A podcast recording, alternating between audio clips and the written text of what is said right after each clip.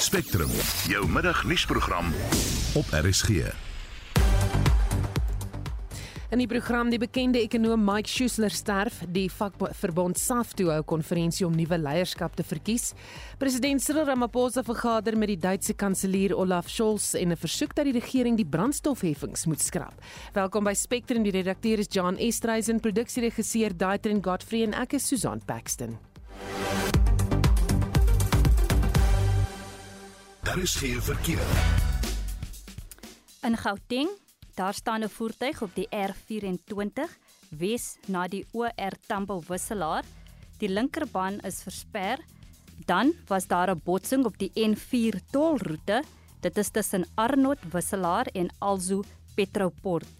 As jy op enigiets afkom, stuur 'n SMS na 45889 en dit sal jou R1.50 kos.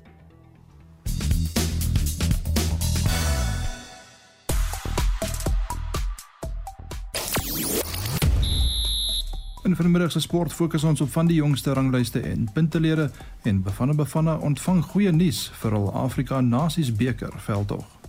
Ek is Shaun Jooste en is later terug met meer inligting. Sosiale media gons oor die dood van die ekonom Mike Schuessler en die akteur Jamie Bartlett. Kanselier Olaf Scholz van Duitsland is op 'n amptelike staatsbesoek op uitnodiging van president Ramaphosa en het vandag by die Uniegebou aangekom. Dankie Bianca. En hoeveel reën het die naweek in jou gebied geval en het jy enige vloedskade opgedoen? Indien jy in KwaZulu-Natal woon, het jy al herstel van die vorige oorstromings meer as 'n maand gelede? Is watertoevoer byvoorbeeld al herstel? Stuur 'n SMS na 45889. Dit kos R1.50 per boodskap of praat saam op die Monitor en Spectrum Facebook bladsy. Jy kan ook vir ons 'n stemnota vanaf ons Facebook bladsy stuur. Klik net die message knoppie bo aan die bladsy of gebruik Messenger om dit te doen. Of jy kan 'n stemnota stuur na 076 536 6961. Dis 076 536 6961. Jy luister na Spectrum. Elke weekmiddag tussen 12 en 1. Is er bykans 8 minute oor 12. Die bekende ekonom Mike Schuessler is na 'n kort siekbed aan kanker oorlede. Schuessler is twee keer as die Suid-Afrikaanse ekonom van die jaar aangewys en het 'n meestersgraad in ekonomie gehad. Hy was ook die stigter en hoof-ekonoom van economist.co.za en 'n gereelde kommentator op ons programme. Ons praat nou met die hoof-ekonoom van die Efficient Groep, Dawie Rood. Goeiemôre Dawie. Goeiemôre. Hy is 'n um, goeie vriend van jou gewees. Watter tipe persoon was Mike? Ja, dit is baie groot verlies uh dink ek uh, op pro professionele vlak maar op 'n persoonlike vlak ook. Ehm um, Mike was er was 'n groot man gewees met 'n groot stem gewees en groot idees gehad en met 'n klein klein hartjie. Ehm um, hy was 'n hy het 'n besondere insig gehad in mense en hy het 'n besondere aanvoeling gehad vir die ekonomie en, en Mike kon dit regkry om sy akademiese agtergrond en sy akademiese kennis prakties te kon aanwend. En ek dink Mike was ook een van die min ekonome wat werklik waar sy wat sy ekonom wees uh, in 'n in 'n besigheid kon omskep. Hy was 'n entrepreneur op 'n manier ook gewees. Iemand met 'n met 'n besondere insig en 'n oorspronklike brein. Iemand wat wat 'n wat 'n idee gehad het oor 'n ding, hy het 'n hunch gehad en dan hy sy vingers vuil gemaak in die data en hy het dit probeer bevestig en gewoonlik was reg geweest. En as jy met 'n hom in 'n debat gaan, moet jy seker gewees het dat jy jou feite reg het want Mike se feite was altyd reg. Mm, en 'n sin vir humor, soos min. So, sonder enige so bietjie van 'n fallback partykeer maar 'n sin vir humor en iemand wat wat werklik waar dis 'n persoon wat as jy in 'n debat wil ingaan oor die ekonomie dan sy die regte persoon om in te gaan. Wat 'n wonderlike tye het ek al saam met hom gehad waar ons verskil het vreeslik verskil het oor oor sekere goed oor die ekonomie, maar ek het so baie van hom geleer. Vertel ons 'n bietjie van sy lewe. Mike kom as ek hom nou reg het, hy kom aanvanklik by het hy begin sy loopbaan begin met Transnet. So sy sterkpunt was nog altyd handel gewees en vervoer en logistiek. Dit is die goeders wat hy gebruik het. Alle ekonome het ernstig 'n springmat wat hy sy loopbaan mee begin en dit was maar sy sy springmat gewees. Daarvan het hy uitge het hy het was 'n paar plekke het hy gewerk en dan het hy sy eie besigheid begin soos wat jy genoem het economist.co.za en daar het hy allerlei indekse saamgestel wat hy verkoop het aan 'n verskeidenheid van instellings en besighede en dan het hy ook homself kom ons maar sê uitverhuur as 'n ekonom om artikels te skryf vir sekere instellings om navorsing te doen en dan as 'n openbare spreker op te tree en dis meer. Hy het weet ek ook by Universiteit van Johannesburg het hy sy meestersgraad gedoen soos hy genoem het en hy het 'n besondere kennis en liefde gehad vir musiek en hy was 'n DJ gewees op die op die Johannesburg se uh, die, die Universiteit van Johannesburg se, se radiostasie. Hmm. En destyds was was uh, Martinus van Skalkwyk nog die voorsitter van die van die studenteraad en ek weet Martinus van Skalkwyk het so 'n Schuster op 'n stadium geskort oor iets wat Mike te sê gehad het uh op die radiostasie toe nog 'n student was. So hy sê sy uitgesprokenheid was nog altyd daar gewees. Uh en dan soos ek genoem het, hy het hierdie wonderlike insig gehad in die ekonomie. Uh en ek het hom uh, hy het, ek en hy het gesê het ons het baie keer hoeveel nagte het om, omgedebatteer oor ekonomiese sake en sy siening aanvanklik was hy iets wat van linksrag gewees en ek het hom 'n pink ekonom genoem byvoorbeeld en hy het my altyd na my verwys as 'n inflasie naad opsie. So eh, dit was dit is 'n baie groot verlies mm. vir my en vir die ja, land. En as mense, ek jy weet vertel nou al die stories, ek het hom eendag gebel en gesê kan jy asseblief met ons praat en hy sê ja, sekerlik. En ek sê vir Mike, maar jy loop, ek hoor jy loop. Hy sê ja, hy hy is besig om eh, deel te neem hier aan die gemeenskap patrollie in die omgewing. O, wag, hier's bloed. Laat ek gou uitvind waar kom die bloed vandaan. ek kom dit nou uit later dis 'n voel wat seer gekry het, maar hy het so klein hartjie gehad, het altyd belangstel en was deel van die gemeenskap. Ehm um, watter bydrae het Mike tot die ekonomie gemaak? Weet jy Mike, uh, ekonome wat mense weet ekonome is eintlik maar 'n klein groepie in die land en ekonome praat met mekaar graag en ons dan mekaar graag en, uh, en de, de, ons is en agter die skerms praat ekonome dit almal. Die die die ekonome van die groot instellings meneer Reserve vir in privaat sektor ekonomie soos Mike in die akademie en dis meer. En ons het kort kort kom ons by mekaar by plekke byvoorbeeld oor 'n lang naweke en dan bespreek ons die ekonomie. Maar maar, maar die werklike bydrae van van Mike was geweest dat hy daai sirkel kon voltooi. Dis nie net 'n geval van boekkennis gehad het nie. Dit is boekkennis wat hy kon aanwend. Dit boekkennis wat hy kan aanwend en sy insigte kon hy gebruik en die teoretiese agtergrond kon hy gebruik om ekonomie toeganklik vir ons almal te maak. En ek dink mense met Mike mense moet hom die die mense se ekonom noem want dit is inderdaad wat hy was was. Dit is insig in mense eintlik wat hom so 'n wonderlike ekonomie gemaak het want dis waaroor ekonomie op die gaan. Dit gaan eintlik maar net oor mense. Baie dankie. Ons gepraat met die hoofekonoom van die Efficient Groep en vriend van Mike Schuessler, Dawie Rood. Verlede maand is meer as 600 skole erg beskadig deur die oorstromings in KwaZulu-Natal. Die departement van onderwys sê hy werk daaraan om te verseker dat alle skole in die provinsie na normaal terugkeer. Intussen word die skade by skole na die afgelope naweek se oorstromings nog bepaal.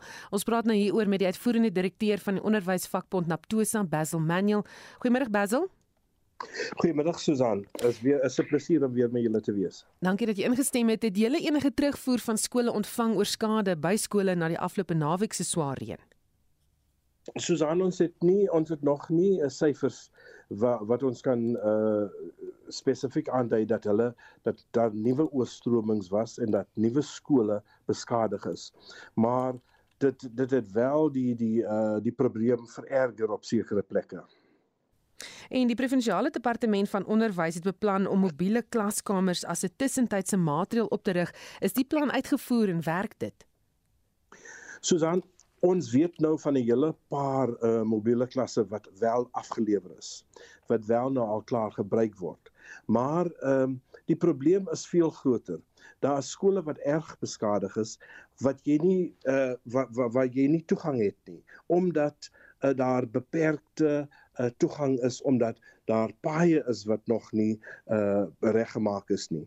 En daardie probleem word nie teen môre of die volgende dag opgelos nie. Maar dit beteken nie dat daardie skole glad nie werk. In baie beskadigde skole is daar wel nog lesse wat aangaan in die gedeeltes waar dit kan werk. Ons sien nou uh skole wat deeltydse klasse het ons sien uh skole wat wat weer begin het met daardie klasse wat wat omruil uh, of of rotasie leer en daar is skole wat nou vir ons al klaar gewys het dat hulle studiepakke maak vir die kinders wat nie daar kan uitkom nie en hulle moet nou studiepakke optel uh, op sekere plekke. So daar is dinge wat gebeur. Maar die herstel van van skole uh, is nie op 'n plek waar ons uh, gelukkig is met met met met die met die werk wat aangaan met die herstelwerk. Ons wil sien dat meer skole uh, ten volle funksioneel is en dit is nou uh, ongelukkig nie so nie. Mhm. Daar was minstens 72 skole wat ontoeganklik was en die minister van basiese onderwys, Angie Motshega, het bier skole gevra om leerders in te neem. Het daai plan gewerk? Nie eintlik nie, want daar is baie ander probleme. Daar is nou wel 'n paar leerdlinge wat by buurskole aangeneem is, maar daardie skole het ook hulle eie probleme. Hulle het nie lessenaars nie, hulle het nie ekstra plek nie. Maar vir om vir uh, vir daardie kinders om daar uit te kom by die buurskole is ook 'n groot groot probleem. En daarom het dit nou nie gewerk nie en ons ons uh, onderwysers wat as ankers is in daardie gemeenskappe. Hulle het nou teruggekeer skool toe, skole oopgemaak alhoewel hulle nie die hele skool kan gebruik om daarin te help om te sien dat sommige kinders daarin op skool is. Maar daar is nog uh der duisende kinders wat nie op skool is nie en die probleem lyk nie asof of of dit uh, gou opgelos gaan word uh gaan gaan gaan word nie uh, Susan want uh die herstelwerk is afhanklik van um, baie instansies in die regering wat saam moet werk.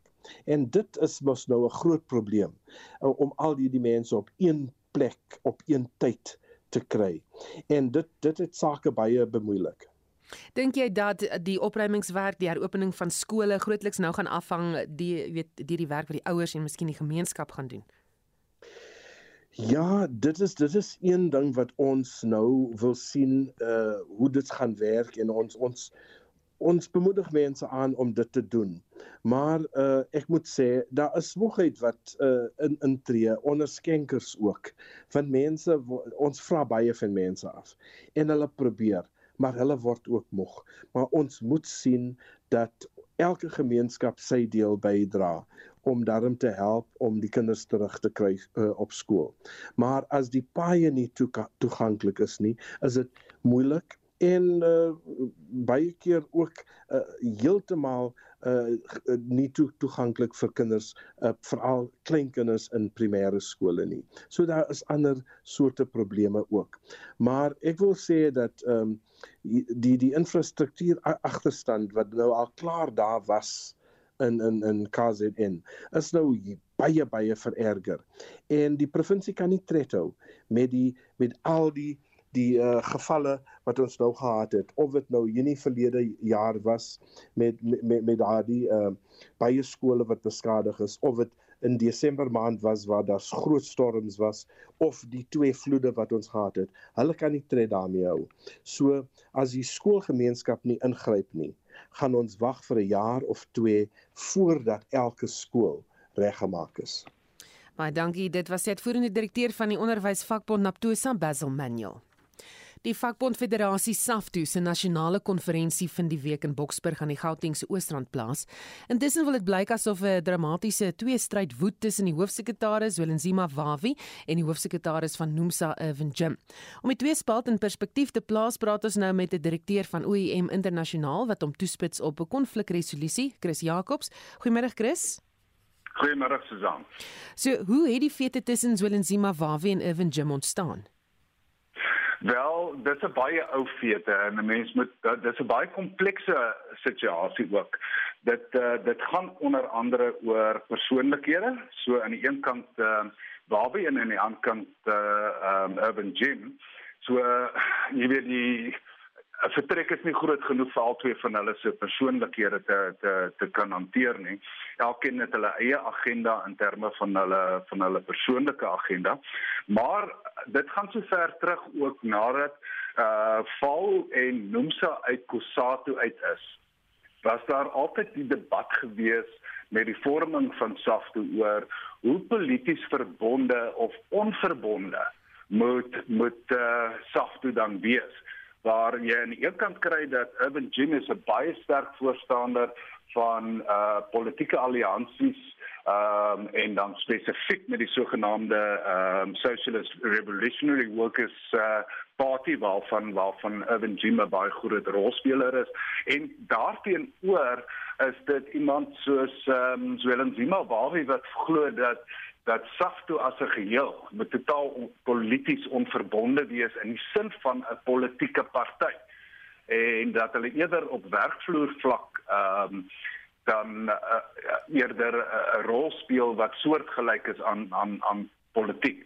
So uh, dis twee persoonlikhede aan die een kant, dis die politieke verbondenheid aan die ander kant al dan nie, Maar dan is daar ook 'n paar heelwat kleiner ehm um, aspekte wat dan ook van toepassing is in in hoekom hierdie kwelling op hierdie op hierdie sagte konferensie dan tans aan die gang is. Hmm. Wat is Wawie se kans om herverkies te word? Sjoe, dit uh, daarvoor gaan mense 'n kristalbal nodig hê. Uh wat 'n mens wel weet is is dat uh NUMSA Ehm um, as jy gaan kyk na die getalle en stemgeregtiges, NUMSA alleen het ongeveer so 300 stemme uit 'n totaal van 730 stemme wat uitgebring kan word by die konferensie. So wat dit beteken is is dat NUMSA ehm um, en ons weet dat SAPU byvoorbeeld die polisie unie ook aan aan die kant is van van uh, Urban Gym. So jy jy basies 'n paar stemme nodig nog by die stemme van van van NUMSA om vir Urban of om vir Zwelmzima waar wie uitgestem te kry. Ehm um, wat ons wel ook weet is dat NUMSA is nie noodwendig eensgesind nie. Daar mag dalk ook mense wees binne daai NUMSA geleedere binne daai plus minus 300 stemme wat nie sal stem teen Wawie nie. Ehm um, so dit dit dis 'n absolute valbeeld situasie so dan. Baie dankie. Dit was 'n direkteur van OIM Internasionaal wat hom toespits op konflikresolusie Chris Jacobs. Die Duitse kanselier Olaf Scholz is op besoek aan Suid-Afrika. Duitsland is Suid-Afrika se tweede grootste handelsvernoot met minstens 600 Duitse maatskappye wat sake in Suid-Afrika doen. Vir meer oor die waarde van die Suid-Afrikaanse besoek praat ons nou met 'n politieke ontleder aan die Universiteit van Pretoria, Roland Henwood. Goeiemiddag Roland. Goeiemiddag Susan. Hoe betekenisvol is die besoek wat uh, kanselier Scholz aan Suid-Afrika bring? Dis baie belangrik. Dit is een van sy vroeë besoeke, sy eerste besoek in Afrika sedert hy die kanselier geword het. En dan dink ek in 'n breër konteks natuurlik die feit dat Duitsland nou die voorsitter van die groep van 7 is, die sewe grootste ekonomieë in die wêreld, 'n baie invloedryke groep en die feit dat hy in Afrika 3 um, lande besoek het waaronder Suid-Afrika, dit maak dit belangrik daar's histories baie sterk bande. Jy het verwys na die die status die handelsbetrekkinge wat sterk is. So dit is belangrik en ek dink dit wys dat daar nog steeds 'n agting vir Suid-Afrika is in Europa veral maar ook 'n besef dat Suid-Afrika 'n belangrike rol kan speel um indien die omstandighede reg is. So definitief 'n belangrike besoek ook vir Suid-Afrika. Hmm. Op die sakelys is bilaterale gesprekke oor handel en nywerheid en gesprekke van internasionale belang. Sou hulle gedagtes ruil oor die oorlog in Oekraïne?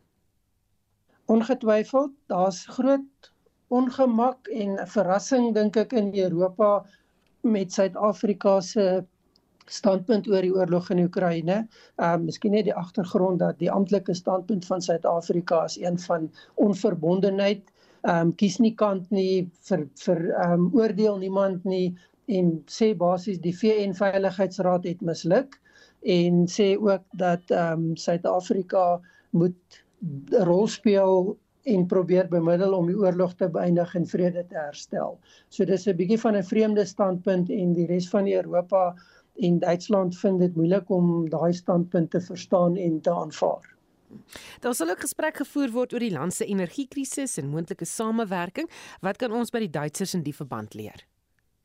Ehm um, baie Duitsland het natuurlik baie dra dramatiese radikale besluite geneem 'n klompie jare terug en alle kern ehm um, kragopwekking het hulle basies gestop na die Fukuyama krisis in Japan en koop oor ehm um, hulle energie van ander lande in Europa aan en gebruik hoofsaaklik groen energie vir eie opwekking.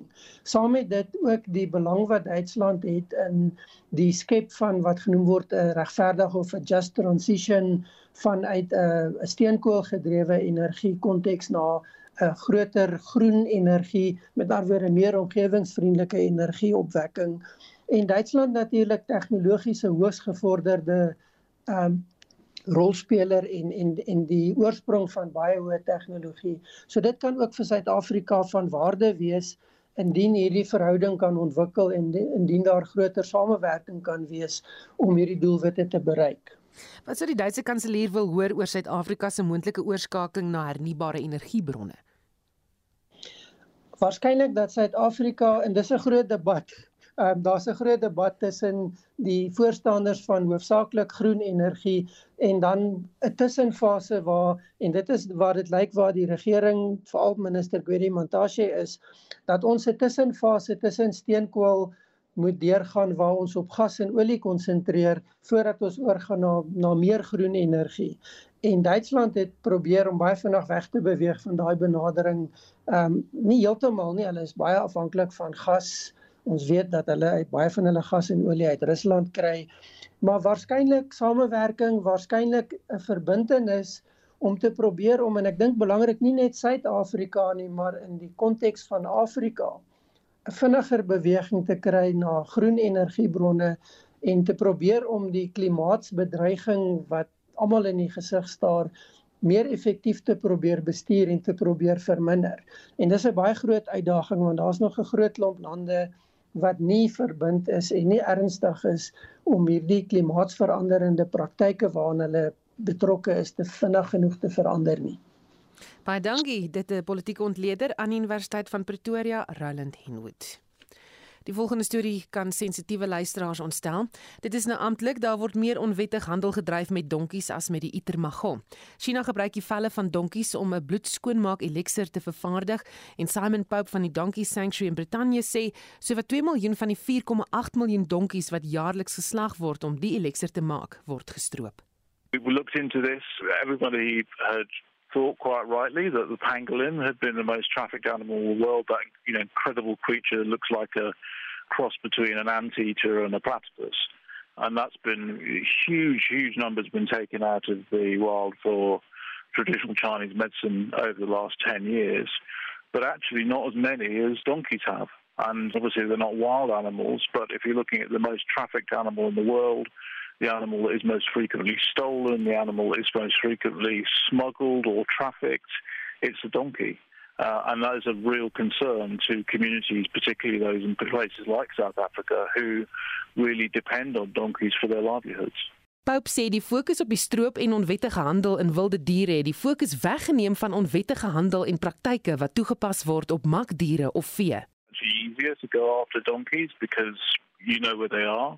They're always going to be in or around communities, and communities have never really. I mean, okay, so there has been donkey rustling in the past, but at the end of the day, you tend to come back if you work your donkey and turn it loose on communal lands or on your land, and, and the donkey kind of looks after itself. So I think that, in a sense, this has been a bit of a wake-up call for a lot of those communities, and all those communities have adopted measures to protect their animals, and the Donkey Sanctuary has supported them in that respect. I mean, we've had community donkey defend patrols operating in places like Tanzania or even Mali, and that, what's that's resulted in is, is a real reduction in the number of thefts. But worryingly, we are starting to see signs now as we come out of lockdown of a resurgence in donkey thefts again, which means that we have to, to look again at being able to establish these community measures to protect animals and sensitize communities also to the fact that their donkeys are at risk and may be stolen.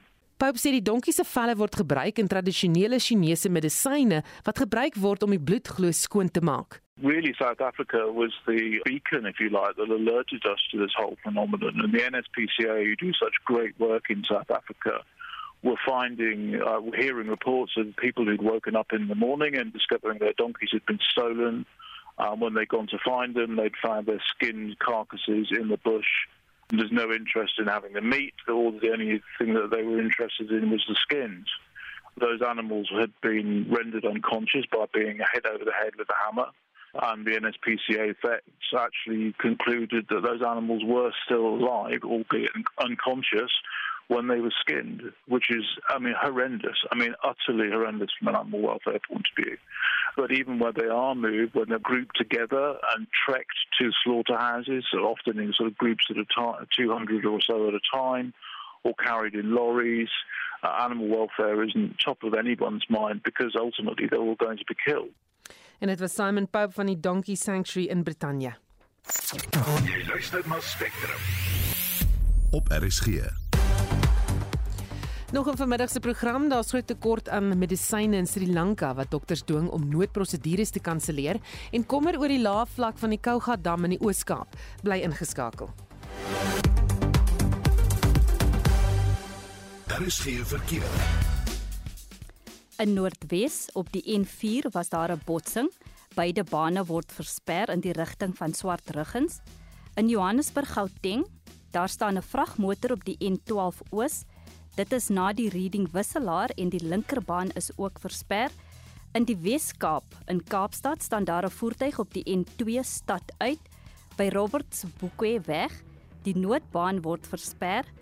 Ek is Bianca Olifant met die verkeersnuus op Spectrum.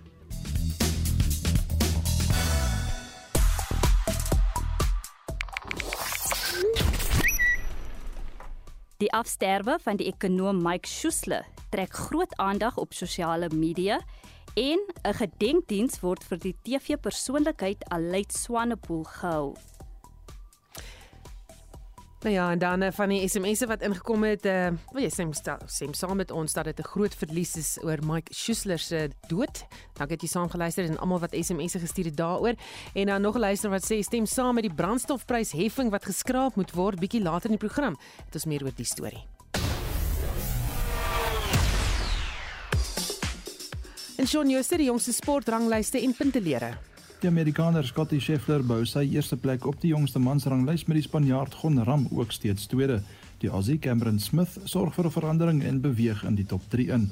Die wenner van die PGA Kampioenskappe, Justin Thomas van die VSA, spring met 4 plekke en is nou 5de. Suid-Afrika se Louis Oosthuizen val met 3 plekke na 18de, Erik van Rooyen met 4 plekke na 65ste en Shaun Norris spring met 2 plekke na 66ste. Oor na die sokkerveld in die Engelse Premier Liga seisoen is die naweek afgehandel. Manchester City verower hul vierde titel in 5 jaar en eindig op 93 punte. Liverpool eindig net 1 punt agter hulle met Chelsea derde op 74 en Tottenham Hotspur vierde op 71 punte. Mamelodi Sundowns is weke gelede as die plaaslike DStv kampioene vir 'n vyfde agtereenvolgende keer gekroon en eindig die seisoen op 65 punte. Cape Town City op 49 en Stellenbosch FC en Kaizer Chiefs op 47 punte elk rond die top 4 af. Die Afrika Voetbal Konfederasie (CAF) het aangekondig dat Kenia en Zimbabwe nie aan vanjaar se 2023 Afrika Nasies beker kwalifikasiefase gaan deelneem nie. Dit beteken Bafana Bafana sal nou net teen Liberia en Marokko in hul groep kragte meet met die top 2 wat vir die toernooi kwalifiseer. Op die renbaan loop die verdedigende wêreldkampioen Max Verstappen van Nederland vir die eerste keer voor in die 2022 Formule 1 seisoen en het 110 punte agter sy naam na 6 rondes. Die Ferrari renjaer Charles Leclerc van Monaco is tweede op 104 met Sergio Perez van Mexico, Verstappen se Red Bull span maar derde op 85 punte.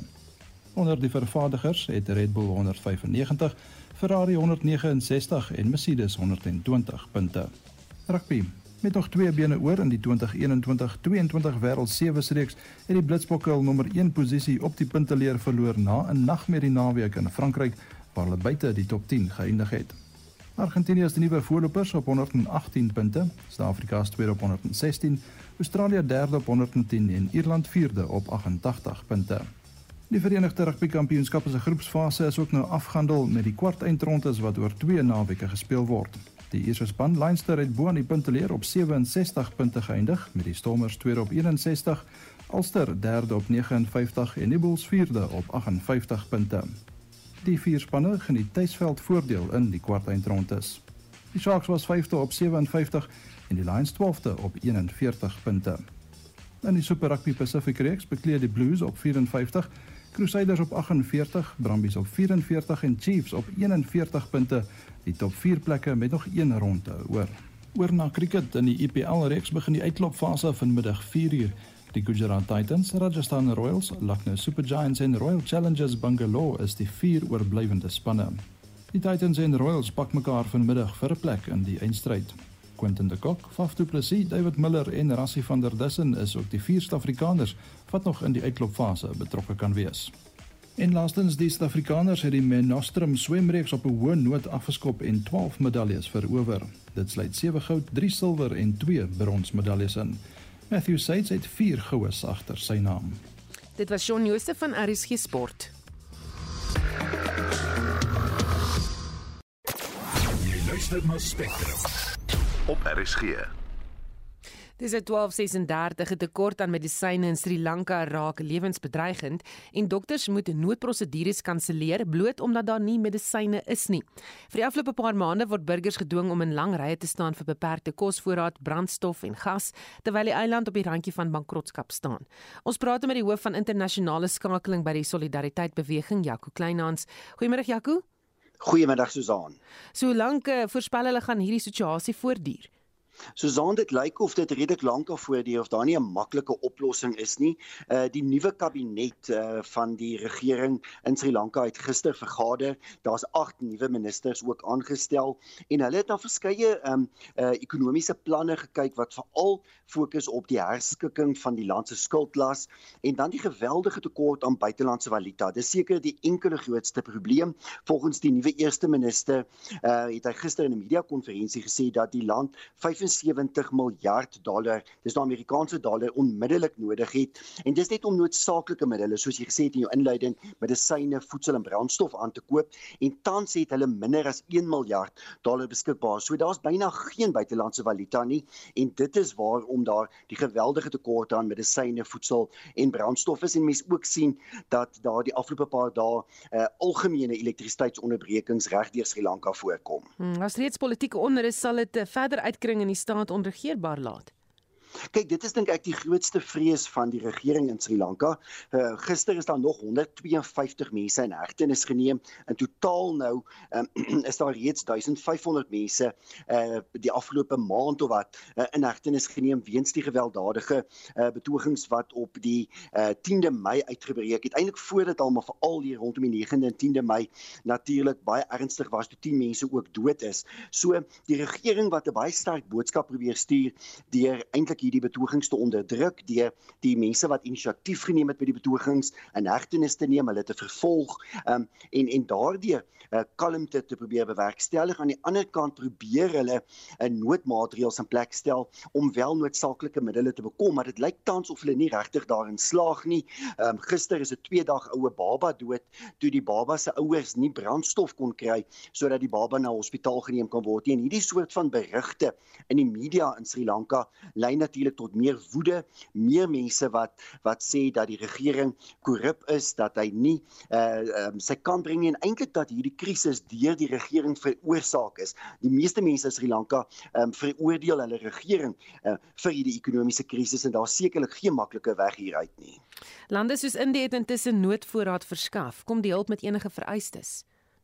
Ja, kyk, daar's 'n hele klompie lande uh, in Asië wat natuurlik uh, meeding teen mekaar rondom invloed. Uh Indië en China is tipies twee lande wat albei probeer om hulle invloed in 'n land soos Sri Lanka te verhoog. Um uh, beide Indië en Sri Lanka het ook en en China het die afgelope paar jaar groot lenings uh, toegestaan aan Sri Lanka. So Sri Lanka wat tans natuurlik meer as 50 uh, miljard dollar se buitelandse skuld het en hulle skuld hierdie geld nie net aan die IMF en die Wêreldbank nie, maar ook aan regerings in China, Indië, Japan en ander lande in in, in Asië maar ook in Europa. En hierdie lande wil natuurlik nie eens sien dat Sri Lanka heeltemal in duie stort nie. Dit is hoekom hulle wel noodmaatreëls sal toepas om te probeer help. Aan die ander kant wil hulle natuurlik graag hulle invloed um, uitbrei en en Indië en China wat wat definitief twee mededingende magte in Asië is en ook in Sri Lanka uh, dieselfde. Dan moet ons ook aanvaar en ek dink dis iets waaroor ons nie baie praat of natuurlik soveel op fokus nie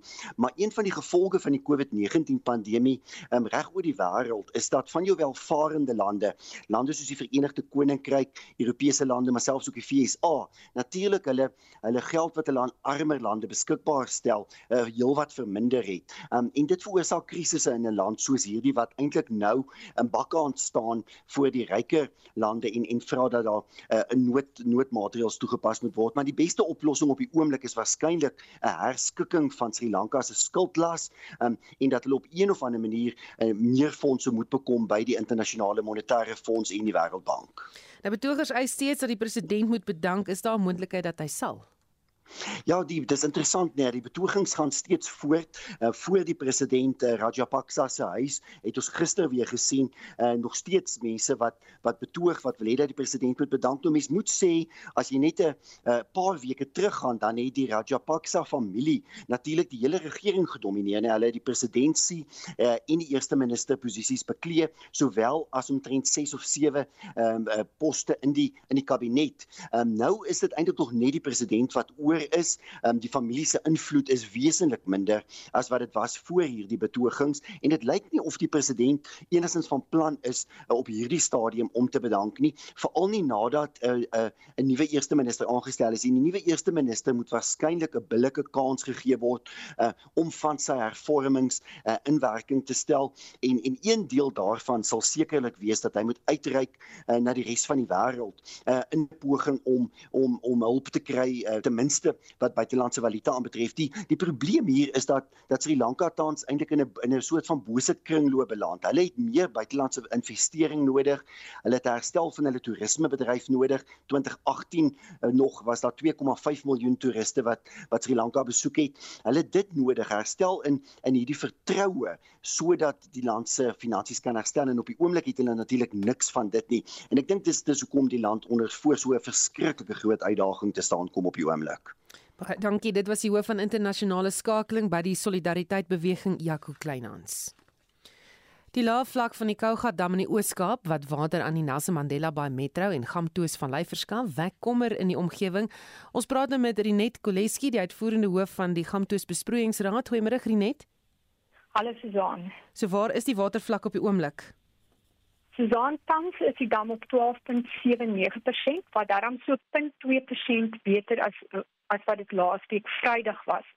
Ons het baie goeie reën in die opvanggebied gehad, ook in die vallei self en in die Krom uh, se opvanggebied. So ehm um, daar is 'n klein inloop in die dam. Dit dit gaan nie 'n dramatiese verskil maak nie, maar dit gee mense hoop om daarom te sien dat daar wel 'n inloop is. Watter impak het die reënval nou op boere se oeste en inwoners in die gebiede? Wel, die in terme van die reënval dink ek het ons almal gehoop dat daar 'n bietjie meer in die opvanggebied va val sodat die dam 'n bietjie meer kan styg. Jy weet dat daar 'n groter impak sal wees.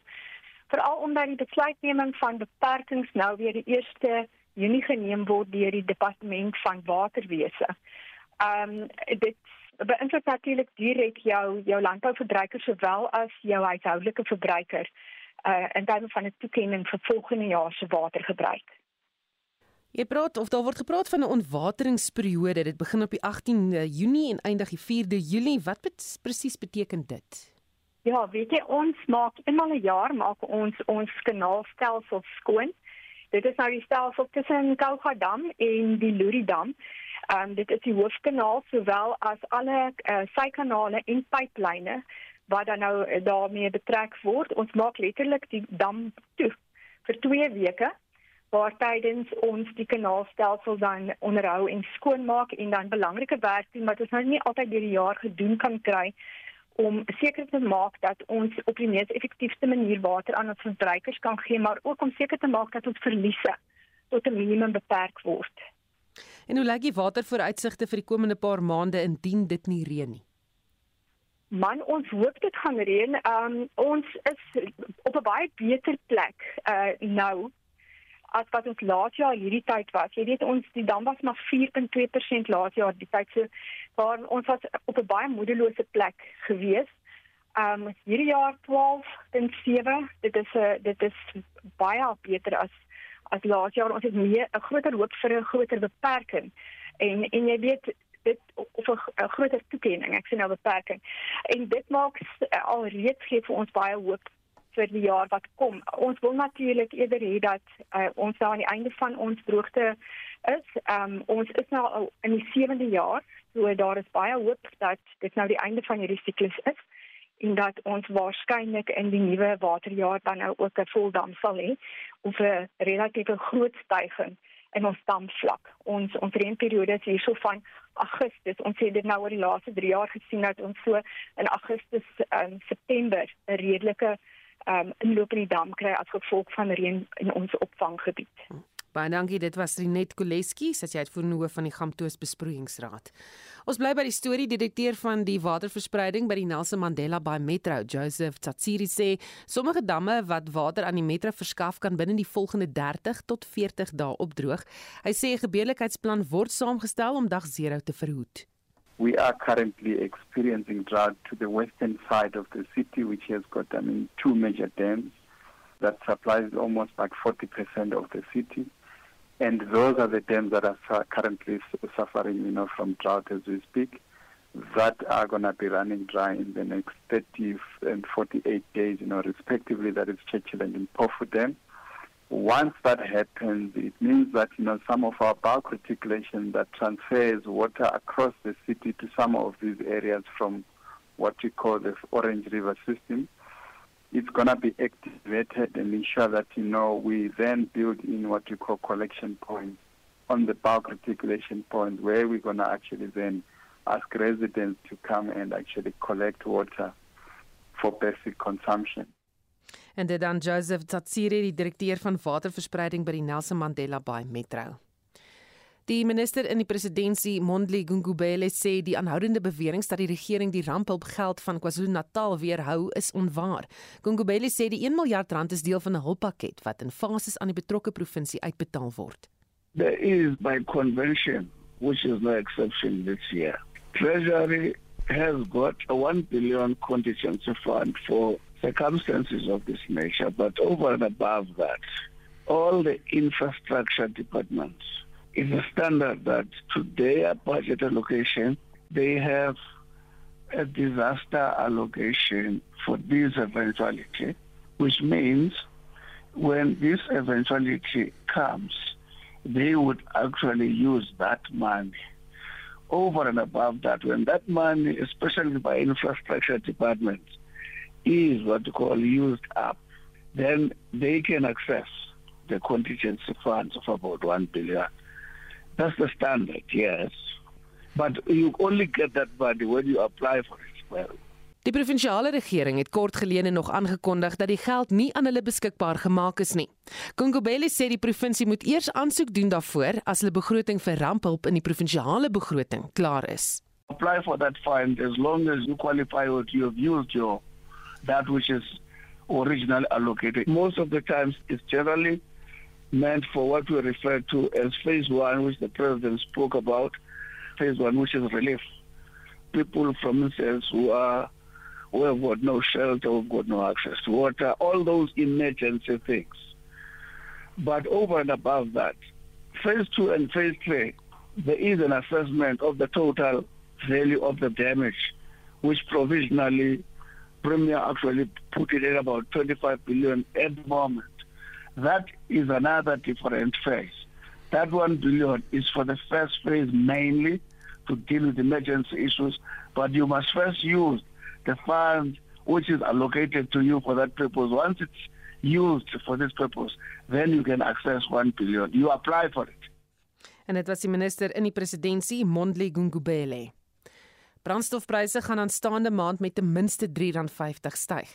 Dit weens hoë oliepryse asook die heffings wat voorheen geskraap is wat weer heringestel gaan word. Dis die eerste keer ooit dat daar so 'n sprong in petrolpryse is en die woordvoerder van die drukgroep People Against Petrol Paraffin Increases, Visvan Reddy sê indien die regering nie drasties optree nie, sal die publiek homself begin verset. The worst possible news will ever face South Africans is going to come to us next week when our fuel prices are going to increase by three rands fifty a litre. It's never happened before in our living history. So this we must brace ourselves for catastrophic increases in fuel prices that's going to affect every single South African. Reddy sê die regering het baie opsies om die drastiese stygings in die petrolprys te buffer. I don't think the government has any intention to keep the prices down because it doesn't understand the impact that high fuel prices have on South Africans. It reminds me of the 22 million rand flag saga, where the minister is going out of his way to explain why it was necessary. It's like they are totally aloof from the realities on the ground. These ministers sit in parliamentary buildings and have absolutely no idea. I mean, they're not filling petrol in their vehicles. They've got, they're using state vehicles, so they've got no idea of the impact that these fuel prices are going to have on ordinary South Africans. Reddy sê die regering moet sy werk begin doen en die publiek eerste stel. Now there are there are quite a few things we can do. In fact, the government needs to put on its thinking caps. That is the reality. Number one, it needs to reduce the fuel levies, like India has done last week. They've reduced their fuel levies equivalent to two rands a litre, so that they can cushion the impact of these increases to their consumers. Other countries are also looking at reducing their fuel levies, and some countries have already done that, like Kazakhstan. Then we need to also look at buying crude oil from Russia. You know, it's not only the fuel prices, but cooking oil prices that's also hitting the roof. So what is wrong with buying fuel from Russia, like India has done also? When you put the people of the country first, you then make decisions that will be in their best interest. The other is to generate revenue by imposing a super tax on monopoly industries and the mining houses. Small super tax on these companies will generate enough revenue to remove all fuel levies Dit was die woordvoerder van die drukgroep People Against Petrol Price Increase, Wisvin Reddy. Net 'n regstelling oor een van ons berigte gister. Ons het berig Agri SA president Cyril Ramaphosa gevra om 'n interministeriële taakspan saam te stel om groot en kleinskaalse onwettige mynboubedrywighede in die Sandrivier en die Vrystaat te ondersoek, maar dit is onwettige mynboubedrywighede in die Sandrivier in Limpopo. Tientalle lede van die vakbonde, die NEM en AMKU kamp nou uit buite die Unie gebou in Pretoria. Annelien? Ja, hulle wil hê dat president Cyril Ramaphosa moet ingryp by loononderhandelinge met die bestuur van Sibanye Stillwater. Poliso Shangane van die NEM sê hulle bly by die Unie gebou totdat Ramaphosa tussen beide tree. We are hoping to, uh, to achieve something different from what we was offered because we know that uh, president has got means of addressing or fixing this problem. He was a secretary general of the NUM, the founder, and NUM and COSATO and ANC were alliances. So they know our feelings, they know our pain. 'n Nog arbeidsverwante nuus sê die Vereniging vir Staatsamptenare, hulle wag op die Suid-Afrikaanse Inkomste Diens se nuwe salarisaanbod. Die Vereniging vir Staatsamptenare se bestuurder in KwaZulu-Natal, Mlungisi Ndlovu, sê hulle wil hê die Inkomste Diens moet die nuwe aanbod op skrif stel. SARS has came back to the negotiations and offer us 500 million of their savings, which means 430 million will be a cash payment 70 million will be to total increase of 1.4 in total. Now we're just waiting for SARS to give us documents that reflect this agreement so that we can start the consultations with our members. En dan pik ons 'n traan weg na die bekende ekonom Mike Schuessler oorlede is na 'n moedige stryd teen kanker. Die hoofekonoom van die Efficient Groep, Dawie Rood, het op die wyse hulde gebring. Mike was 'n groot man gewees met 'n groot stem gewees en groot idees gehad en met 'n klein klein hartjie. Hy was 'n besondere insig gehad in mense en hy het 'n besondere aanvoeling gehad vir die ekonomie en, en Mike kon dit regkry om sy akademiese agtergrond en sy akademiese kennis prakties te kon aanwend. Die Duitse kanselier Olaf Scholz is op besoek aan Suid-Afrika vir bilaterale gesprekke met president Cyril Ramaphosa. Ons het die politieke ontleder Roland Henwood van die Universiteit van Pretoria gevra of die oorlog in Oekraïne op die agenda sal wees. Daar's groot ongemak en verrassing dink ek in Europa met Suid-Afrika se standpunt oor die oorlog in Oekraïne kies nie kant nie en sê basies die VN Veiligheidsraad het misluk. So dis 'n bietjie van 'n vreemde standpunt en die res van Europa en Duitsland vind dit moeilik om daai standpunt te verstaan en te aanvaar. Ja, en president Cyril Ramaphosa en die Duitse kanselier Olaf Scholz spreek nou die media toe. En môreoggend in Monitor praat ons met rolspelers in Kaapstad oor die vlaag van bende geweld, nie lank nadat die Telegraph koerant in die Verenigde Koninkryk die moederstad as die derde beste stad in die wêreld bekroon het nie. Skakel in vir Monitor môreoggend tussen 6 en 7. En dit was Annelien Moses met 'n blik op die ontwikkelende stories van die dag.